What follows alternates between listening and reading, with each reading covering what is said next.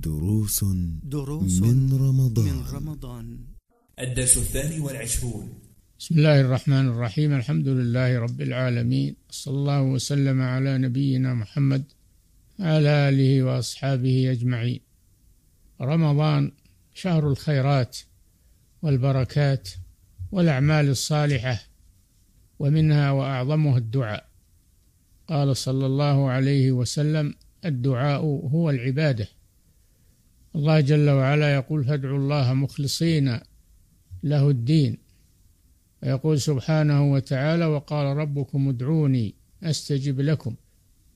وشهر رمضان شهر الدعاء فيدعو المسلم لنفسه ويدعو لوالديه ويدعو لإخوانه المسلمين الأحياء والأموات فإنه شهر يستجاب فيه الدعاء أكثر من غيره. وكما سمعتم أن الله جل وعلا يقول وقال ربكم ادعوني أستجب لكم. ويقول جل وعلا وإذا سألك عبادي عني فإني قريب أجيب دعوة الداعي إذا دعان.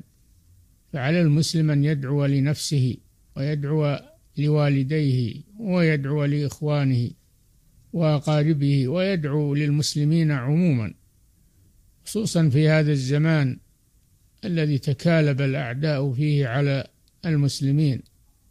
فيجب ان أن ندعو للمسلمين أن يفرج الله عنهم وأن ينصرهم وأن يكف عنهم شر الكفار. قال الله جل وعلا عسى الله أن يكف بأس الذين كفروا. فالله أشد بأسا وأشد تنكيلا. على المسلمين أن يرجعوا إلى الله بالتوبة والأعمال الصالحة. فإذا رجعوا إلى الله وعادوا إلى الله عاد الله عليهم سبحانه وتعالى بالنصر وقبول الدعاء. والدعاء لا يستجاب من قلب لاه غافل كما قال صلى الله عليه وسلم ادعوا الله وأنتم موقنون بالإجابة فإن الدعاء لا يستجاب من قلب غافل لاه وعلى الداعي أن لا يستبطئ الإجابة ويكل الأمر إلى الله. قد يكون الخير في تأخير الإجابة من الله عز وجل. فعلى المسلم أن يدعو ويكل الأمر إلى الله سبحانه وتعالى والله قريب مجيب. ولا يقل قد دعوت ودعوت فلم يستجب لي ثم يترك الدعاء كما جاء في الحديث. فإن هذا من تسويل الشيطان ومن الكسل وسوء الظن بالله عز وجل. فعليك الدعاء والإكثار من الدعاء ولا تستبطئ الإجابة.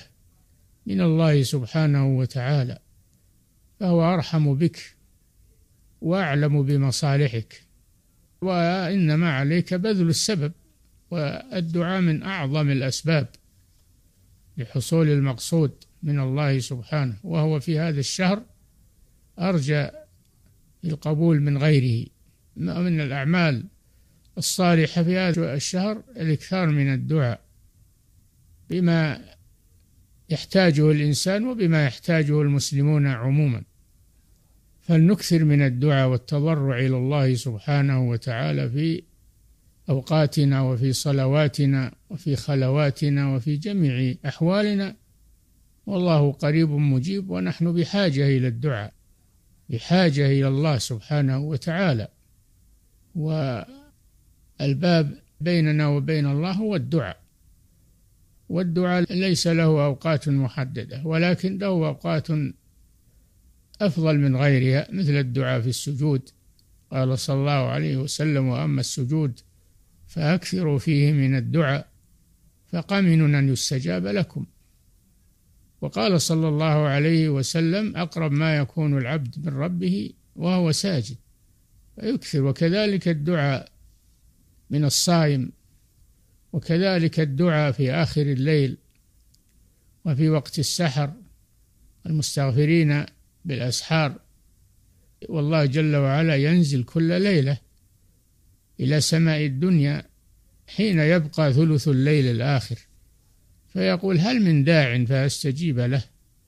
هل من مستغفر فأغفر له؟ هل من تائب فأتوب عليه؟ فالله جل وعلا رحيم بعباده يسمع دعاءهم ويقضي حاجاتهم ويغفر ذنوبهم ولكن العبد هو الذي يغلق باب الدعاء على نفسه ويترك الدعاء. وقد ييأس من الإجابة فيقول قد دعوت ودعوت ولم يستجب لي فعلينا الدعاء. ومن الله سبحانه وتعالى الإجابة. والله الموفق والهادي إلى سواء السبيل وصلى الله وسلم على نبينا محمد.